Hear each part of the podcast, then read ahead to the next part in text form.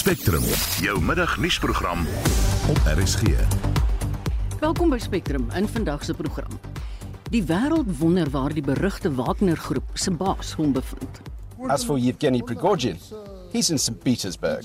Or maybe he flew to Moscow this morning. Or somewhere else. But he's not in Belarus. Но на территории Беларуси его нет. In aanloop tot die BRICS-beraad in Augustus gaan die ANC eers as gasheer optree vir die politieke partye forum vir BRICS-lande, sonder dat ander politieke partye genooi word.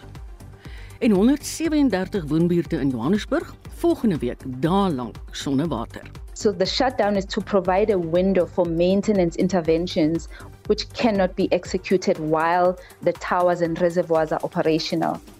Vandag se program is onder redaksie van Marlenae Forsie. Ons produksieregisseur is JD Labuskaghni en ek is Marieta Kreer. Engeland is op soek na die oorhand op dag 2 van die derde assetoets teen Australië. Die All Black afrigter Ian Foster verras met sy loskakelkeuse en Red Bull beoog om 'n 35 jaar oue rekord die naweek by die Britse Formule 1 Grand Prix te ewenaar. Ek is Shaun Schuster vir RSG Sport. Ons wil vandag by die luisteraars hoor watter kreatiewe maniere kan julle aanbeveel om geld te spaar. Volgens Deloitte het Suid-Afrika 'n huishoudelike spaarkoers van 0,5%. Die Suid-Afrikaanse Spaar-instituut wil juis nou in Julie maand verbruikers aanspoor om 'n kultuur van spaar te vestig. Deel gerus met ons jou prettige uitdaging of speletjie om geld elke maand weg te sit. Deur 'n SMS te stuur na 45889 teen R50 per boodskap. Jy kan altyd op die RSG se Facebookblad saampraat. 6:30 minute oor 12. Vandag is die sperdatum vir die publiek om geskikte kandidaate vir die pos van openbare beskermer te benoem. Die pos word op 15 Oktober vakant wanneer die amptetermyn van die geskorste openbare beskermer, Busisiwe Mqwebane, verstryk. Die parlement het 'n ad hoc komitee gestig om die proses te hanteer. Zelin Merrington het meer besonderhede. Die kantoor van die openbare beskermer se doel is om die gewone mense op straat te beskerm en om wanadministrasie en misbruik van mag van die staat te ondersoek. Sedert sy aanvang het die kantoor ondersoeke gedoen wat post-apartheid skandale insluit, van die wapenskandaal, Nkandla en staatskaping wat uiteindelik gelei het tot 'n kommissie van ondersoek na staatskaping. Die voormalige OB, Lawrence Mshwana, was gekritiseer oor hoe hy die wapenskandaal hanteer het, soos wat die waarnemende OB, Koleka Qaleka, nou deur oppositiepartye gekritiseer word oor hoe sy die Palapala ondersoek hanteer het. Tuli Madonsela het baie lof ontvang vir haar ondersoeke wat gelei het tot die kommissie van ondersoek na staatskaping. Dit was ook gedurende haar termyn dat die kantoor se remedierende stappe bevestig is as regsbindend. Madonsela se opvolger, Busisiwe Mqobane, se termyn is gekenmerk deur omstredenheid met die uiteinde wat haar voor 'n parlementêre komitee gebring het. Die uitvoerende sekretaris by die Raad vir die Bevordering van die Suid-Afrikaanse Grondwet, Lose Naidu, reflekteer oor die kantoor van die OB sedert demokrasie. This was a new office established post democracy. So the first two public protectors, I think, you know, were, were really uh, responsible for setting the ground and creating the infrastructure for this office. I think what happened during the tenure of Chulima Donsela was that it coincided with the period of what we now call state capture, and there were a number of cases that were linked. So I think those cases enabled that office to get a higher public profile. It was much more in the public interest as to the work that was being done by that office. But I think we must also acknowledge that most of the work that is done by the Office of Public Protector goes unnoticed because it deals with complaints from ordinary citizens about maladministration and so on in the public sector. And that's really the heart of the work that's conducted by this office. Die kantoor van die openbare beskermer het aansienlik gegroei sedert 1995 om 'n hoofdrywer van verantwoordbaarheid te wees, meen die politieke ontleder Ralph Matega. But there were no expectations far back that the office will function in a way that it has come to be expected to function today. So we have seen the office evolving and now we have Office of the Public Protector where South Africans have got clear expectations as to what do they want out of this office and what are its potential and if the office is actually led by people who are focused, people who are siding with the voters, the vulnerable in South Africa, we have seen what is possible from that office when it comes to making sure that the vulnerable get justice. Die direkteur by Accountability Now, Paul Hoffman, sê hy hoop die parlement sal 'n kritiese proses handhaaf. With the looming deadline for the applications for nomination for the position of public protector that the parliamentary ad hoc committee tasked with sifting the applications will pay greater attention to the nature and quality of the experience of the lawyers who will put their names forward for appointment. Die ad hoc komitee sal die benoemde se name op die parlement se webtuiste publiseer vir kommentaar van die publiek voordat hulle onderhoude doen. Die suksesvolle kandidaat moet die ondersteuning van 60% van LPs in die nasionale vergadering hê. Zelene Merrington, Parlement. In aanloop tot die BRICS-beraad in Augustus sal die ANC eers as gasheer optree vir die politieke partye forum vir BRICS-lande. Nou tydens die forum word daar tot 'n mindere of meerdere mate bepaal wat die uitkomste van die BRICS-beraad in Augustus sal wees. Die BRICS-beraad het eintlik ten doel om handelsbetrekkinge tussen lidlande te versterk. Die DA, EFF en ander groot oppositiepartye is nie genooi om die politieke partye forum by te woon nie. Ons praat nou met die DA se nasionale woordvoerder, Werner Horn, wat hom by ons aansluit. Goeiemôre Werner. Goeiemôre Marietta en middag aan jou luisteraars. Jy het nou my inleiding gehoor en ons oppositiepartye is nie daar nie, maar die ander lidlande van BRICS bring hulle oppositiepartye lede saam. Ja, en uh, histories natuurlik is nie die eerste van hierdie partytetiese berade nie.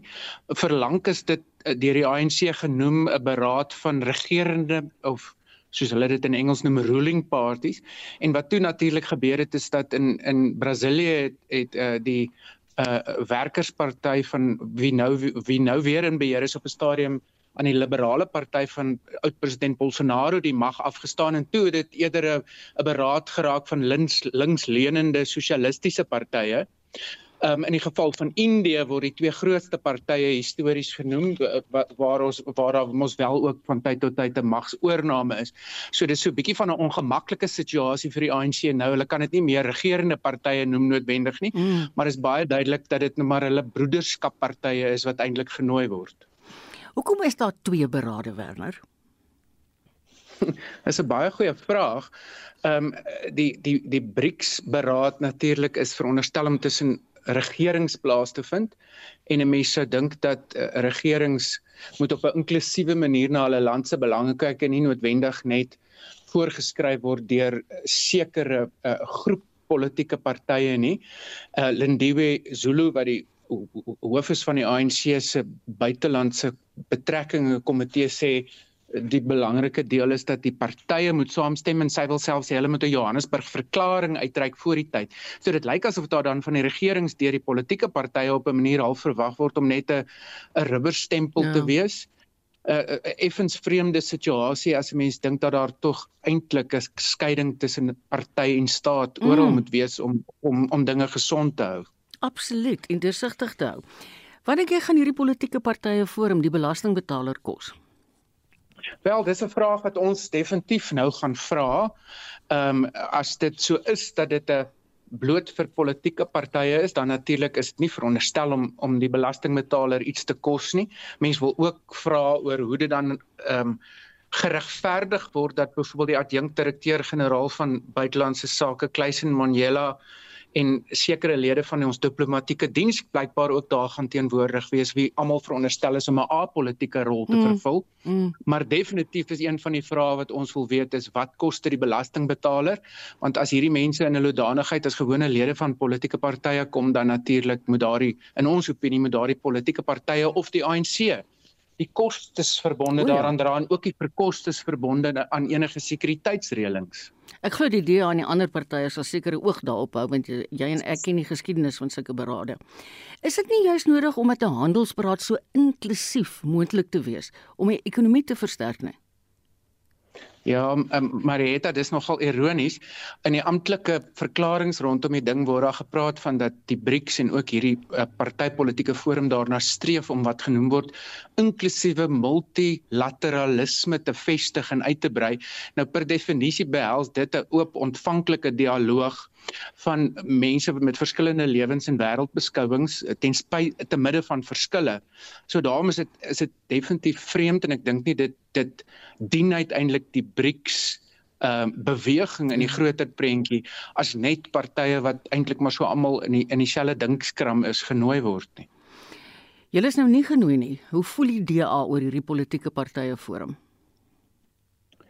Nee wel so, soos ek sê, jy weet ons sou graag van die geleentheid wou gebruik gemaak wou maak om die gesprekvoering te verryk um, om ten minste vir Suid-Afrika se se vennote in die BRICS beweging onder die indruk te bring dat hier uh, ook ander gedagte rigtings in Suid-Afrika is en as hulle dit nie re reeds weet nie, hulle miskien onder die indruk te bring dat die ANC se hou vas op politieke mag um, uh, altyd ehm um, deurentyd besig is om al losser te raak en al swakker te raak en dat hulle hulle self ook so moet posisioneer om dalk vorentoe met met ander partye mm, mm. saam te werk um, indien daar indien die dit wat ons op hoop en voorwerk naamlik dat die die sogenaamde moonshot pact kan oorneem indien dit 'n werklikheid word. 'n Mens weet nie of hierdie ander politieke partye in die BRICS beweging natuurlik deur die ANC van hierdie moontlikheid eers ingelig gaan word nie. Ja, dis baie waar. Baie dankie Werner.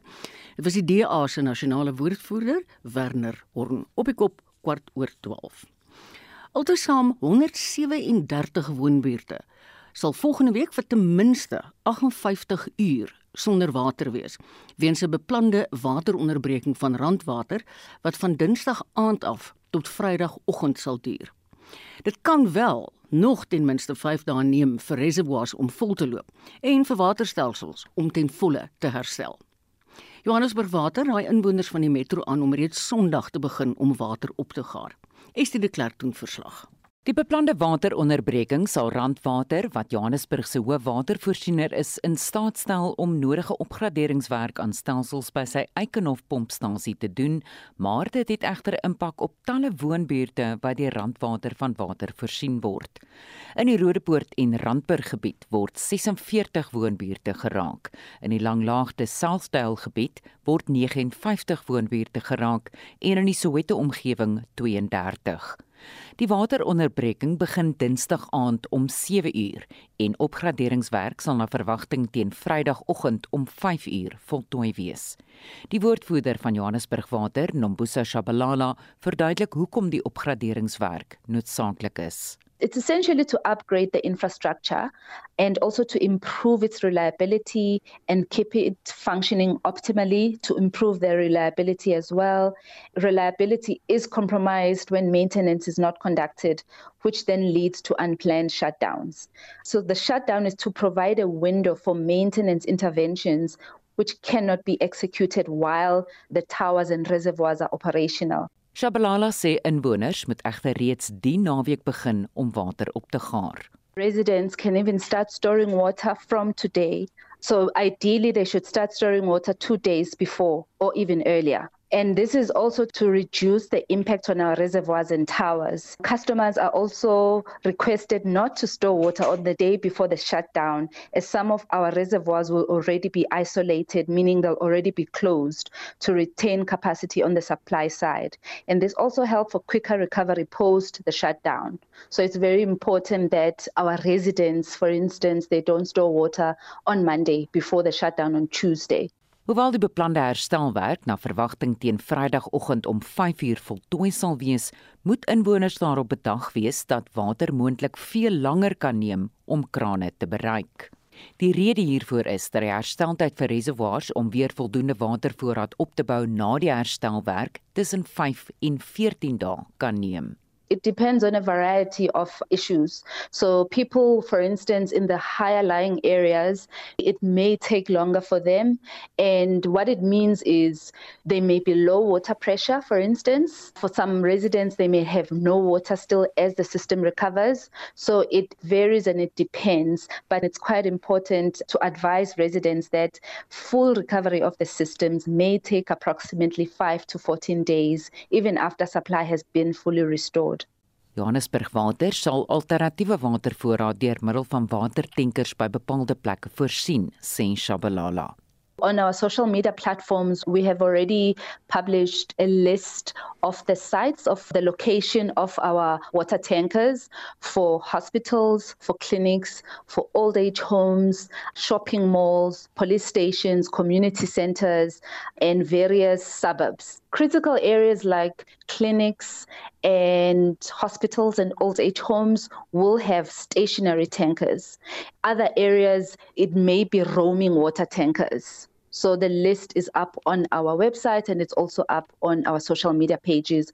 Dit was die woordvoerder van Johannesburg Water, Nombuso Shabalala. Ek is Estie de Klerk vir SAK nuus. Ook maar goed die luisteraars kan die omroepers nie ruik nie want ek bedoel kan jy nou dink na 14 dae, ek meen regtig. Die Sentrum vir Navorsing oor Energie en Skoon Lug het in 2019 in 'n verslag bevind dat Eskom die grootste vrysteller van koolstofdioksied ter wêreld is. 'n Verslag deur Greenpeace het bevind dat die Kriel kragstasie tweede op die lys van plekke ter wêreld is waar die meeste lugbesoedeling van onder meer swaaldioksied is. Dis alom bekend dat Eskom vir jare al aansoek doen om uitstel by sy kragstasies om aan besoedelingsstandaarde te voldoen. By Kusile was dit 'n ander storie omdat die 'n ingeboude lugfiltreerstelsel het.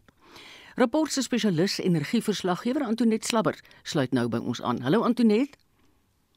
Middag Marita, middag aan die luisteraars. Antoinette, hoe werk so 'n lugfiltreerstelsel? Ehm um, Marita, dit is 'n groot eenheid wat nou geïnstalleer word by elke eenheid van die kragstasie. Kusile het ons nou 6 eenhede. So daar's 6 van hierdie goed. En ehm um, dit is die eerste keer dat Eskom dit by enige van hulle kragstasies installeer. Kusile is van die begin af gebou met hierdie goed in gedagte. Ehm um, terwyl Medupi beplan is daar sonder en die gedagte was om dit agterna by te sit, maar dit het nou nog nie gebeur nie. So die hele idee is dat daai eenhede die lug moet skoon maak sodat die mense in die omgewing om die kragstasie nie uh soos wat jy weet ons praat ons van die vuil driehoek mm. dat die ja, mense ja. nie soos daar moet moet swaar kry en gesondheidsprobleme ontwikkel as gevolg van vuil lug nie. Maar Antoinette kan hulle nie by die ander kragstasies ook so lugfiltreerstelsel inbou nie. Wel dit kan gedoen word maar teen 'n prys. Uh Eskom het 'n hele paar jaar gelede al bereken dat om te voldoen aan die vereistes vir skoon lug sou hulle iets soos 200 miljard rand kos en daar is nie of daar was in daai stadium en is nou ook hoegenaamd net nie geld daarvoor nie. Mm, definitief nie. Goed, terug by Kusile. 'n Tydelike skoorsteen, verstaan ek, gaan nou opgerig word in die plek van die een wat in mekaar getuimel het. Nou volgens berigte kan tientalle mense moontlik sterf en duisende ander asma opdoen weens die lugbesoedeling wat die tydelike skoorsteen tot gevolg gaan hê. Het ons nou op 'n plek gekom waar ons tussen ons gesondheid en die gemak van elektrisiteit moet kies? Ja, ehm um, Marita, dit is ongelukkig nou wat gebeur. Soos ek sê, Kusile is nou die een kragstasie wat beplan is met hierdie suiwerings uh, eenhede ingesluit. En wat toe gebeur het is dat Eskom die goed nie behoorlik bedryf het nie. Hulle praat van ontwerpfoute, maar my inligting is dat hulle dit net nie reg bestuur het nie. Mm. Want dis glad nie nuwe tegnologie nie, dis wêreldwyd bekend. En dit het veroorsaak dat daar 'n geweldige aanpaksel van 'n sementagtige stof in die skoorstene was.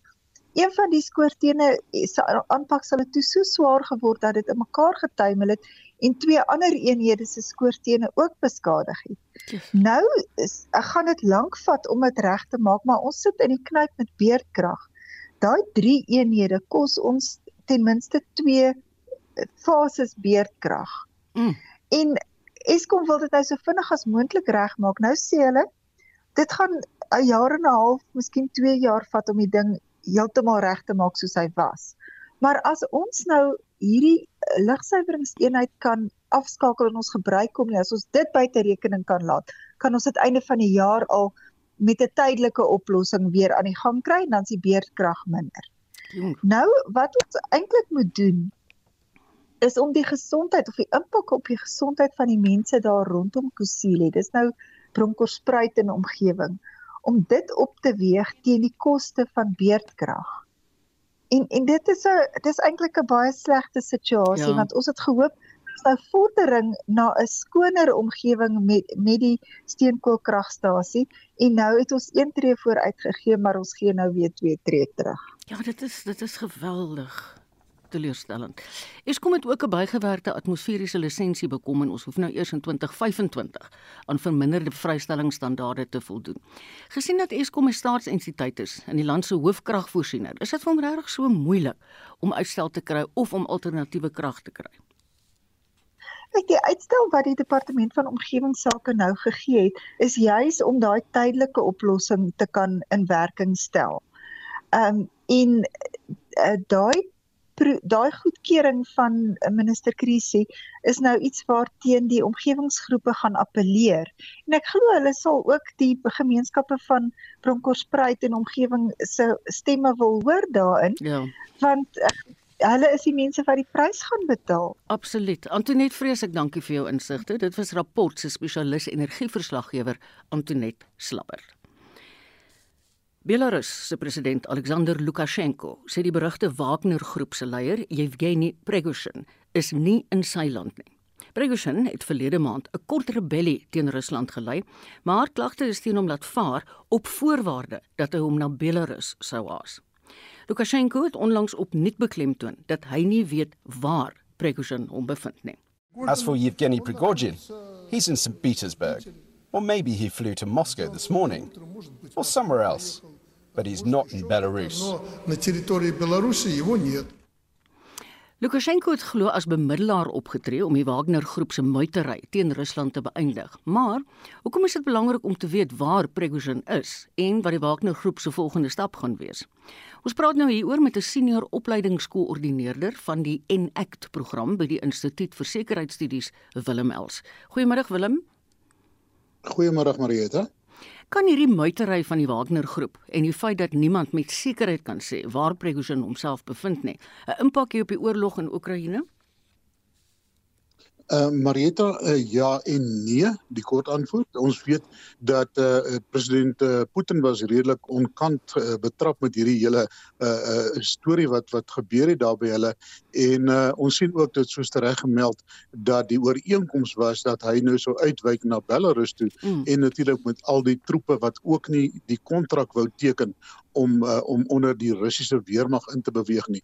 Dus soos ons die ding verstaan, daai troepe wat nou die kontrak geteken het, hulle gaan voortgaan met die met die met die uh, oorlog teen uh, teen Oekraïne waar die wat nou nie die kontrak geteken het so uitgewyk het na Belarus toe.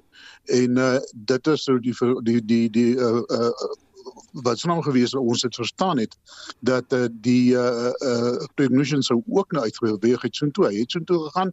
Daar was op 'n stadium uh, uh ook inligting dat sy lewe in gevaar was as mens kyk na hoe dinge daar in uh, Rusland besleg word. Mm. en uh, dit is vir ons ook verbasend uh, dat hy nou wel terugbeweeg het. Die vraag is het hy be terugbeweeg vrywillig om dinge te gaan uitsorteer? Mm. omdat ons weet dat dan die uh, minister van buitelandse sake gesê het dat natuurlik die Afrika inisiatief sal voortgaan waar waar hulle natuurlik 'n baie groot rol speel en natuurlik baie baie geld inbring vir Rusland en natuurlik vir Prigozhin.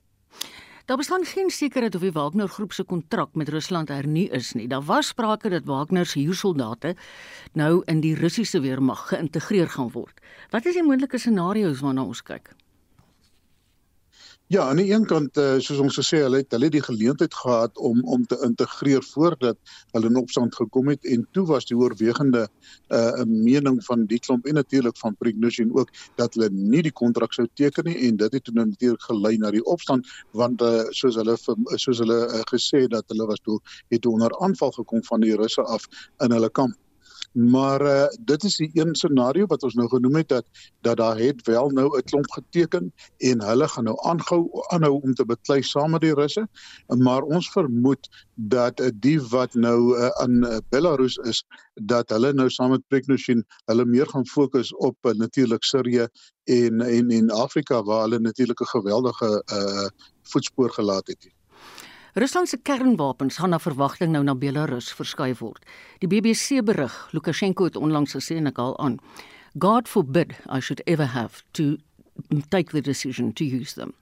Hy is te verder hieroor gepols deur die joernalis Steve Rosenberg. Hier is daardie woordewisseling. Это может сказать и Джо Байден. Joe Biden could say the same. And Prime Minister Sunak. But these aren't your weapons, they're Russian ones. It's not your decision to take. In Ukraine, a whole army is fighting with foreign weapons, with NATO weapons, because they've run out of their own. So why can't I fight with someone else's? But these are nuclear. We're not talking pistols. Yes, nuclear. They're weapons too. And make sure you mention we're talking about tactical nuclear weapons here. Jou reaksie hierop asseblief. Hallo Willem. Hallo uh, Marita, ja. Wat sê jy van hierdie opmerkings? Uh, jong, ek dink ons moet dit uh, bietjie terug staan en kyk in die agtergrond. Lukasjenko self is maar 'n baie klein uh, rolspeler in in in die hele ding daar. Hy's maar een van die van die paar lakeie wat nog wat nog getrou is aan aan Putin en Putin is maar die groot kanon daarso. Mm. En uh, ek twyfel of hy die die die uh, die tasie met die rooi knoppie sommer net so gaan gaan gaan afgee aan aan een van die mense wat eintlik maar sy lakeie is. Uh, ek dink hierdie hele ding is maar weer onthou uh, daar het oor die afgelope paar maande wat daar verskeie kommentators en ook mense in die parlement dat hulle moet die kernwapens gebruik en dit is maar basies die retoriek om die dinge op te op te warm en natuurlik ook om om 'n bietjie vrees te saai en na die na die weste se kant toe. Maar ons weet almal dat uh, sou sou een een van die of die weste of die, of of uh, Rusland natuurlik oorgaan om die goed te gebruik, dan beteken dit ook hulle eie einde. So ek twyfel dat, uh, dat dat hierdie in die huidige omstandighede sal eskaleer daarna toe. Baie dankie Willem. Ons het gepraat met Willem Els, 'n senior opleidingskoördineerder van die Enact program by die Instituut vir Sekuriteitsstudies. Spectrum, jou middagnuusprogram op RSG.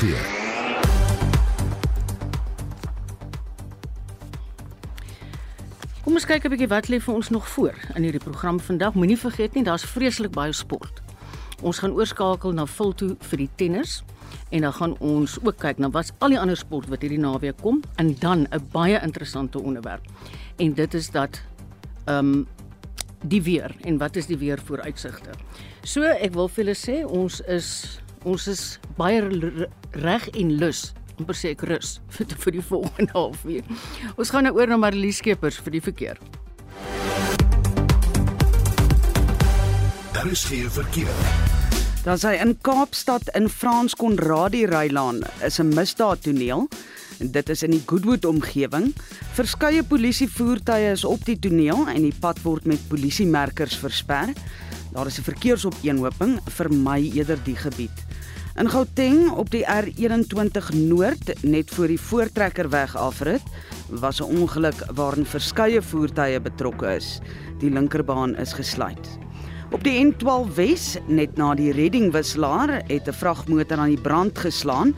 Opruimingswerk is aan die gang, die linkerbaan word daar geraak. En op die N1 Suid, net na die Rigelaan afrit, was 'n ongeluk, die linkerbaan is ook daar gesluit. Laastens KwaZulu-Natal op die N2 Noord, net voor die wisselaar na die King Shaka internasionale lughawe, het 'n vragmotor sy vrag verloor. Die linkerbaan word daar versper. Ek is Marlie Skeepers en dit is die middagverkeersverslag op Spectrum.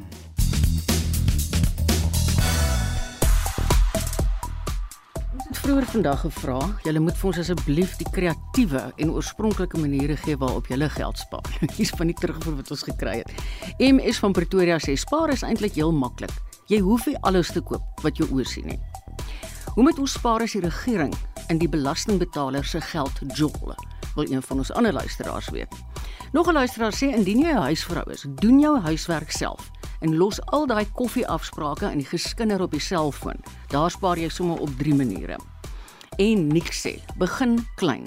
Gooi alle klein geld in 'n spaarbussie. 'n Brood kos jou dis nie 24.99 nie, maar 30, dan spaar jy die klein geld. Jy sal dan twee keer dink voordat jy iets koop en gooi jou afslag van winskoopies en die pensionaris afslag wat jy kry in 'n spaarbussie. Jy kan nog steeds vir ons paar wenke stuur. Dit is 45889 vir 'n SMS teen R50 of gesels lekker saam op die Facebookblad.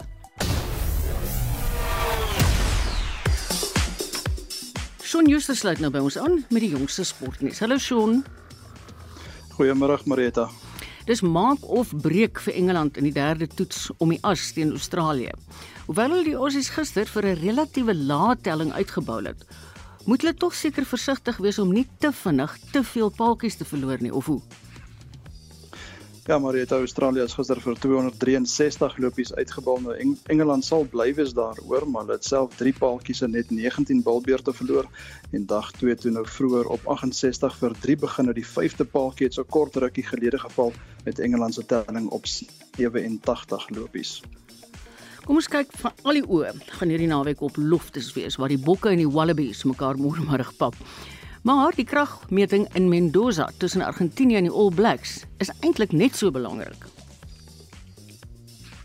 beslis in die Nieu-Seelandse afrigter eh, Ian Foster het so 'n bietjie verras deur Damon uh, McKenzie op loskakel in die plek van Richie Monga te kies maar uh, McKenzie natuurlik meer gemaklik op heel agterval as by die All Blacks kom en hy sal slegs sy derde keer nou in die loskakel posisie begin nadat hy 'n goeie super rugby seisoen vir die Chiefs gehad het. Bowden Barrett is op heel agter ingesluit en ek sien Sam Whitelock en Brody Retallick se die toets uit. Dis natuurlik met die oog op volgende naweek se kragmeting in Nieu-Seeland tussen die All Blacks en Springbokke. In Nieu-Seeland het twee keer in die laaste 3 jaar teen Argentinië verloor, maar onthou hulle is natuurlik altyd gevaarlik, so is 'n goeie geleentheid vir ander spanne om Nieu-Seeland nou al te begin ontleed. Kyk, hierdie naweek se Britse Formule 1 Grand Prix op Silverstone gaan natuurlik baie opwindend wees. Ja, die Britse Grand Prix in Silverstone is natuurlik een van die groot wedrenne op die kalender, is ook een van my gunstelinge. Nou Red Bull beoog om 'n 35 jaar oue rekord te ewenaar. Dit is vir 11 agtereenvolgende oorwinnings. Maar McLaren nou die rekord wat in 1988 opgestel is.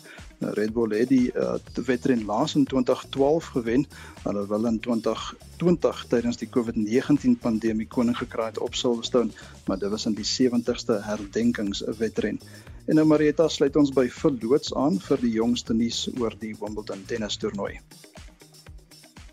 Ja, baie dankie. Sean is 'n lekker sonskyndag daar op Wimbledon vandag en die twee wedstryde wat ek op die oomblik dophou is in die mans enkelspel waar Holger Rune die 60 gekeerde teen Kabaya Bahina te staan kom en die telling op die oomblik daar 2-1. Hulle is nog in die eerste stel.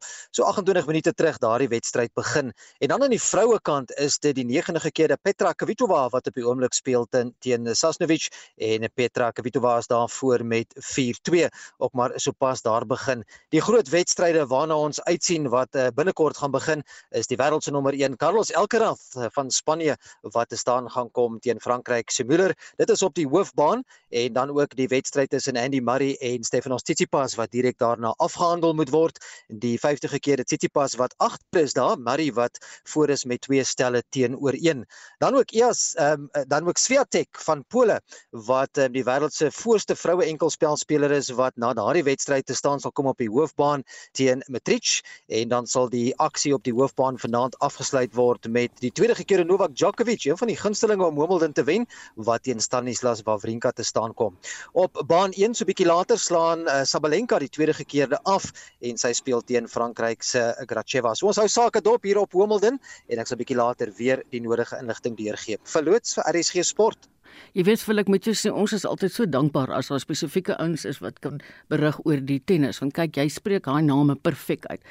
Die laaste stem wat ons gehoor het was die van Verloots en ons gaan weer vanmiddag in spitstyd van hom hoor. Hy doen vandag vir ons die kommentaar van Wimbledon af en ek sê baie dankie vir Shaun vir sy hele sport bydrae. Ons is sterk op pad na 20 voor 1 toe. Kaapenaars, julle moet julle warmste winterjasse en musse uithaal vir die koue front wat van vanmiddag af in die Wes-Kaap aanland. En mense in die binneland, ons word nie vrygespring nie. Hierdie koue front kom klop teen Sondag aan ons deur. Ons praat nou met 'n voorspeller van die Suid-Afrikaanse Weerdiens in Wes-Kaapland, Henning Grobler. Hallo Henning. Goeiemôre Marita en goeiemôre aan ons luisteraars. Ja, dit klink my ons gaan regtig koud kry. Wanneer presies land hierdie koue front in die Wes-Kaap en hoe laag gaan die temperature daal? Ja, Marita, kom ons begin met daai koue front het sopas hier in Kaapstad aan begin lekker koud en nat in die Kaap, dit begin liggies reën. So mm. ja, die die, die dinge het begin. En uh daar's eintlik maar twee koufronte. Dis nou die eerste koufront wat deur gaan beweeg en dan ons 'n sekondêre koufront wat môre deur gaan beweeg wat ons verder gaan afkoeling gee. Nou Marita, ons gee so alreeds 'n 80% kans vir reën oor die Kaapse metropoolarea en die in die hoog uh, hoogliggende gedeeltes van ons. En uh dan soos wat hierdie koufronte deur beweeg, beskuif hierdie reën gaan hoofsaaklik ooswaarts uitbrei. Ons gee môre so 30 tot 'n 60% kans oor ons binneland. En dan uh, dit lyk vir my hierso teen uh, môre en Sondag gaan die hoog agter die koue front lekker inrig en uh, dan kan daar lekker reënval ook langs die suidkus voorkom.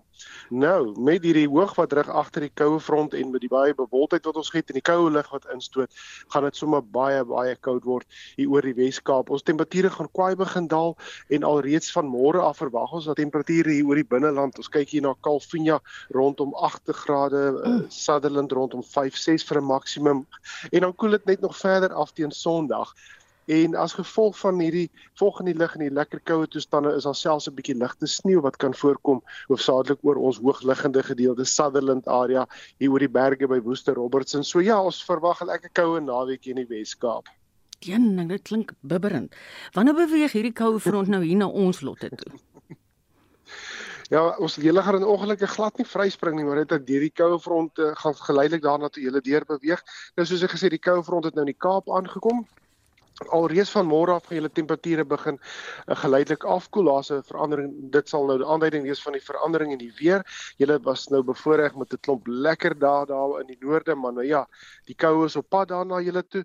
Koeler môre, dit koel baie af teen Sondag wanneer julle temperature kwaai gaan daal en en dan Maandag gaan ook 'n koue dag wees voor ons temperature gaan begin herstel.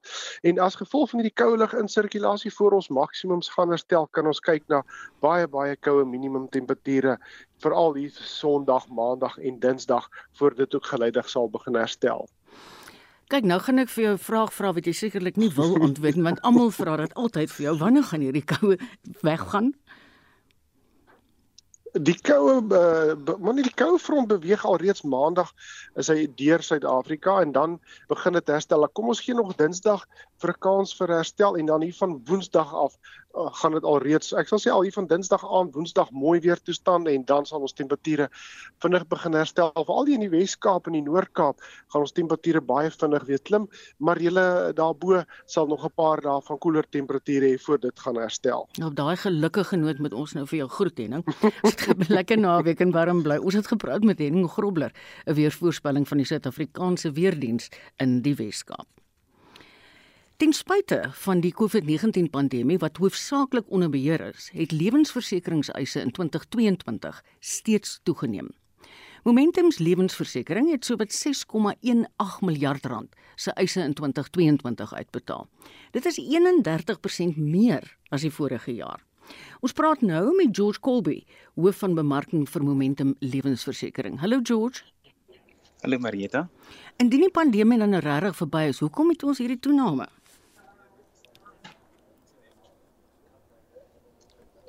Kan jy my hoor George? Kan jy my hoor? Ek, ek kan jou hoor. Ek hoor jou. Ja. Kom ons sê as ons nou redeneer, die pandemie is verby. Hoekom het julle die toename in eise gehad? weet dit is maar 'n normale funksie van die aantal lewensdekking wat uitgereik word soos wat die die boek basies groter word hoe meer polisse daar is hoe meer mense verseker word as 'n persentasie verwag jy altyd dit sal nog steeds toeneem goed hou hierdie eise steeds verband met die pandemie as sodanig 'n klein gedeelte daarvan gelukkig baie minder as in die verlede ehm um, waar ons byvoorbeeld in 2021 was COVID-19 sterftes die hoofoorsaak vir doodseise. Ehm um, het dit nou afgesak na omtrent die 4de grootste oorsaak oh, van doodseise. So dit het dramaties verminder. Met lewenskoste wat so ongelooflik styg, kan mense dit nog bekostig om lewensversekering te hê? Maar dit die vraag is amper kan mense bekostig om dit nie te hê nie. En ek gaan dit gou-gou verklaar deur te sê as 'n mens kyk na die die geld wat mense vir voorsiening maak wanneer die lewensversekering uitneem, Ehm um, dit is gewoonlik om groot finansiële uitgawes te kan dek of finansiële afhanklikheid wat jou behoeftig is of jou ehm um, afhanklik is wat mm. yes wat hulle dalk kan jy aandespreek. As jy dit nie sou hê nie. Die die koste van 'n lewensversekering premie versus die uitbetalingsbedrag maak dit altyd amper nie moeite werd om die lewensversekering te prioritiseer in terme van jou uitgawes. Goed. Dis my baie baie interessant dat jy sê dit het darm nou al afgeskuif van die eerste plek in 21 na die vierde plek COVID se eise. Want ehm um, as ons sê die pandemie is besig om af te neem, dit het nog nie vir my sin gemaak om dit styg nie, maar soos jy nou verduidelik het, jy lus dit altyd te wagte. Baie dankie George, George Colby, hoof van bemarking vir Momentum Lewensversekering. Drie onafhanklike kenners van die Verenigde Nasie sê die Israeliese operasies in Jemen kan op oorlogsmisdade neerkom. Die sekretaris-generaal van die VN, Antonio Guterres, het in New York oor die gewelddadige situasie gepraat waarin 12 burgerlikes, waaronder 5 kinders, in Jenin dood is. Guterres sê hy vind die sogenaamde operasies in Jenin ontstellend. VN gesante beskuldig Israeliese magte van oorlogsmisdade en gruwelike oortredings van internasionale wetgewing. I once again call on Israel to abide by its obligations under international law, including the duty to exercise restraint and use only proportional force and the duty to minimize damage and injury and respect and preserve human life. The use of airstrikes is inconsistent with the conduct of law enforcement operations. I also remind Israel, as the occupying power, that it has a responsibility to ensure that the civilian population is protected against all acts of violence. I understand Israel's legitimate concerns with its security. But escalation is not the answer. It simply bolsters radicalization and leads to a deepening cycle of violence and bloodshed. Volgens die drie gesante wat met die Menseregte Raad in Genève verbind word, is die operasies daarop gemik om Palestynë te teiken en is nie teen terrorisme operasies wat onder internasionale wetgewing geregverdig kan word nie. Guterres het pas teruggekom van Haiti waar gewelddadige bendes, ontvoerings en seksuele geweld aan die orde van die dag is en gemeenskappe getuister word. Hy het weer 'n beroep op die Veiligheidsraad gedoen vir die ontplooiing van magte om die land se wetstoepassers by te staan. The Asian government requested these all the way back in October. And those appeals were echoed by many Asians I met during my visit. I repeat, We are not calling for a military or political mission of the United Nations. We are calling for a robust security force deployed by member states to work hand in hand with the Asian National Police to defeat and dismantle the gangs and restore security across the country. The police also need financing, training, and equipment. And all of this is critical to restoring the authority of the state and the delivery of vital services. Die verslag is saamgestel deur Sherwin Bryce Peace en ek is Matlie Skeepers vir SAK nuus. Die werkgewersorganisasie NIASA sê alhoewel die ooreenkoms tussen die vakbond Solidariteit en die departement van indiensneming en arbeid oor rasteikens goed is, gaan hy steeds voort met litigasie om dit geheel en al te laat verbied. Solidariteit en die departement kan onder meer het ooreengekom dat ondernemings wat goeie redes kan aanvoer waarom hulle nie rasteikens kan haal nie, sal waarskynlik nie meer beboet word nie. Trouwens, ras mag ook nie meer die enigste oorweging wees tydens aanstellings nie.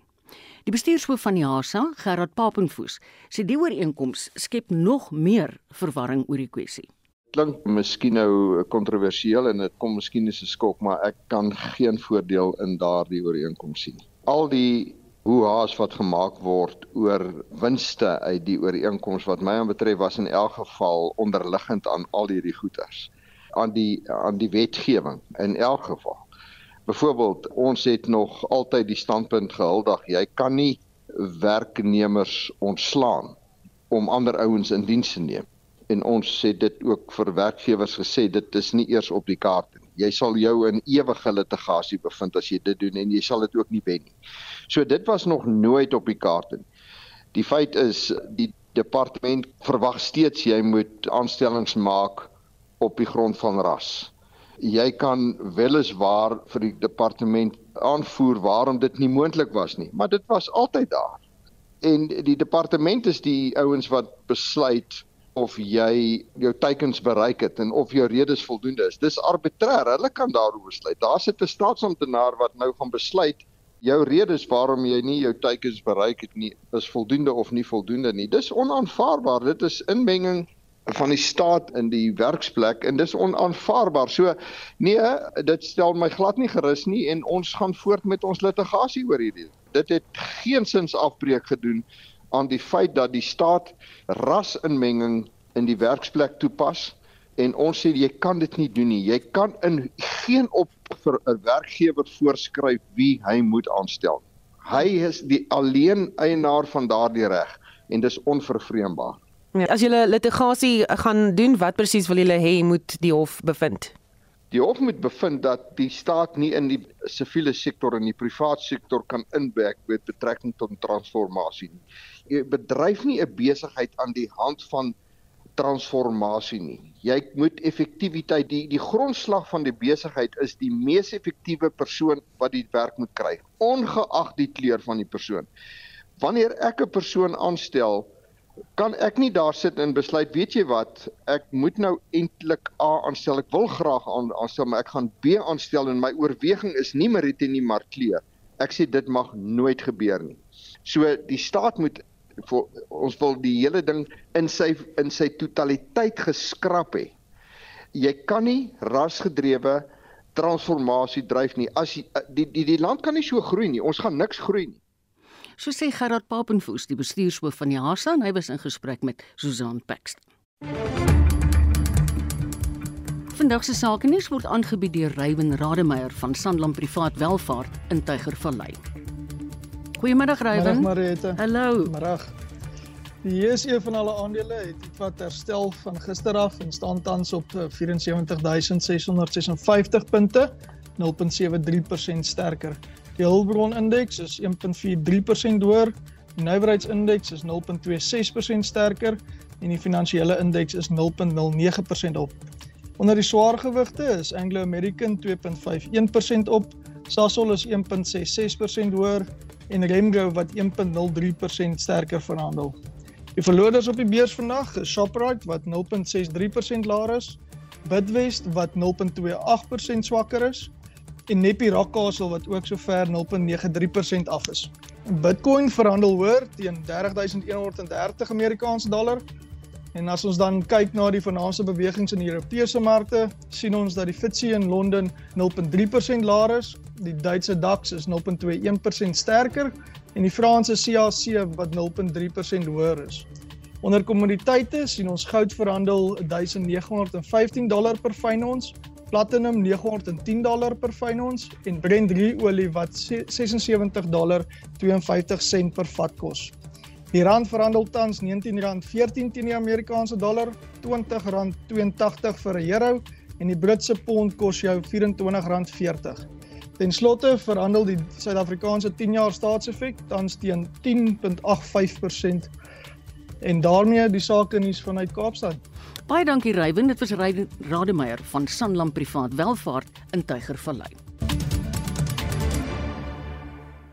Die aantal groot wit haie langs die Mosselbaai se kus aan die tuinroete is besig om te kwyn weens aanvalle deur moordwalvisse. Wetenskaplikes het ook ontdek dat die groot wit haie se dieet in die gebied nie hoofsaaklik robbe is nie, soos wat mense voorheen gedink het nie, maar eintlik ander kleiner haie. Tanya Krause doen verslag. 2 weke gelede het 'n groot haai se karkas by die Hartenbos riviermond uitgespoel. Dit was duidelik die slagoffer van 'n moordwalvisaanval aangesien die lewer vermis was. Moordwalvisse eet haailewers vir die voedingsstof en vetinhoud. Die direkteur van die plaaslike haai navorsingseenheid, Nico Boyens, sê met die hulp van hommeltuie het dit nou al hoe makliker geword om hierdie aanvalle te aanskou. Verlede jaar het ons in Mei het ons die eerste ene gesien hoe dit gebeur het, hoe die moordwalvis withaai aangeval het hier in Hartenbos. Toe in Augustus het daar 'n withaai se karkas 3.6 meter wyfie withaai hier uitgewas op die strand. Haar lewer was ook heeltemal verwyder en toe nou so 2 weke terug het ons weer gesien hoe nog 'n haai by die Rob Eiland aangeval was deur die orkas en toe die maandag het daar 'n ander karkas uitgewas hier op hierdie selfde strand. Drie moordwalvis aanvalle is die afgelope paar jaar in die gebied waargeneem. Boyen sê na aanval verdwyn die haie vir sowat 2 maande voordat hulle terugkeer.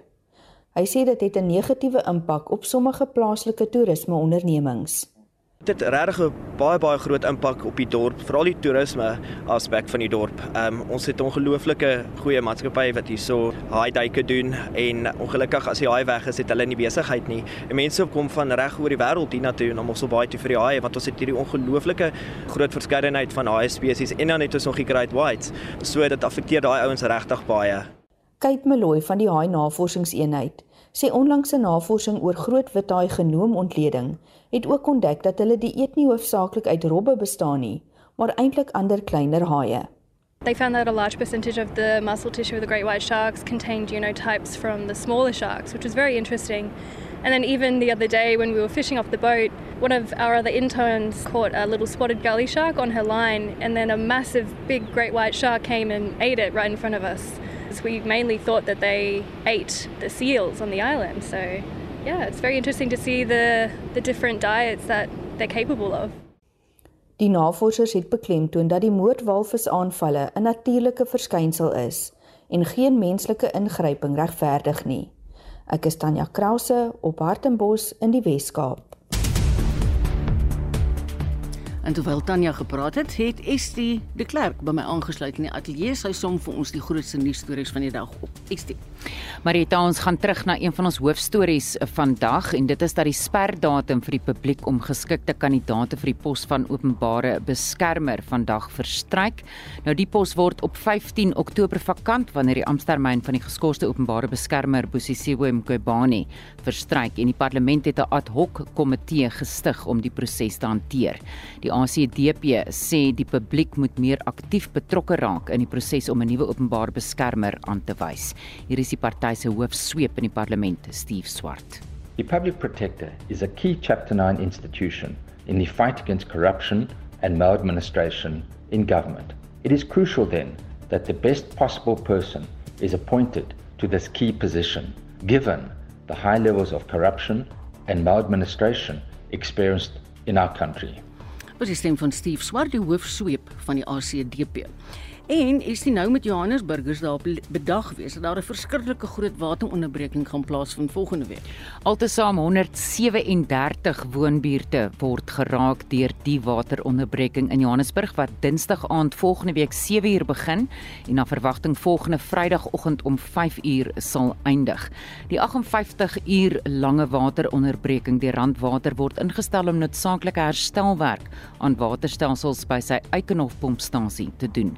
Die woordvoerder van Johannesburg Water, Nombusa Shabalala, sê inwoners moet vroegtydig begin om water op te gaar. Ideally they should start storing water 2 days before or even earlier. And this is also to reduce the impact on our reservoirs and towers. Customers are also requested not to store water on the day before the shutdown as some of our reservoirs will already be isolated meaning they'll already be closed to retain capacity on the supply side.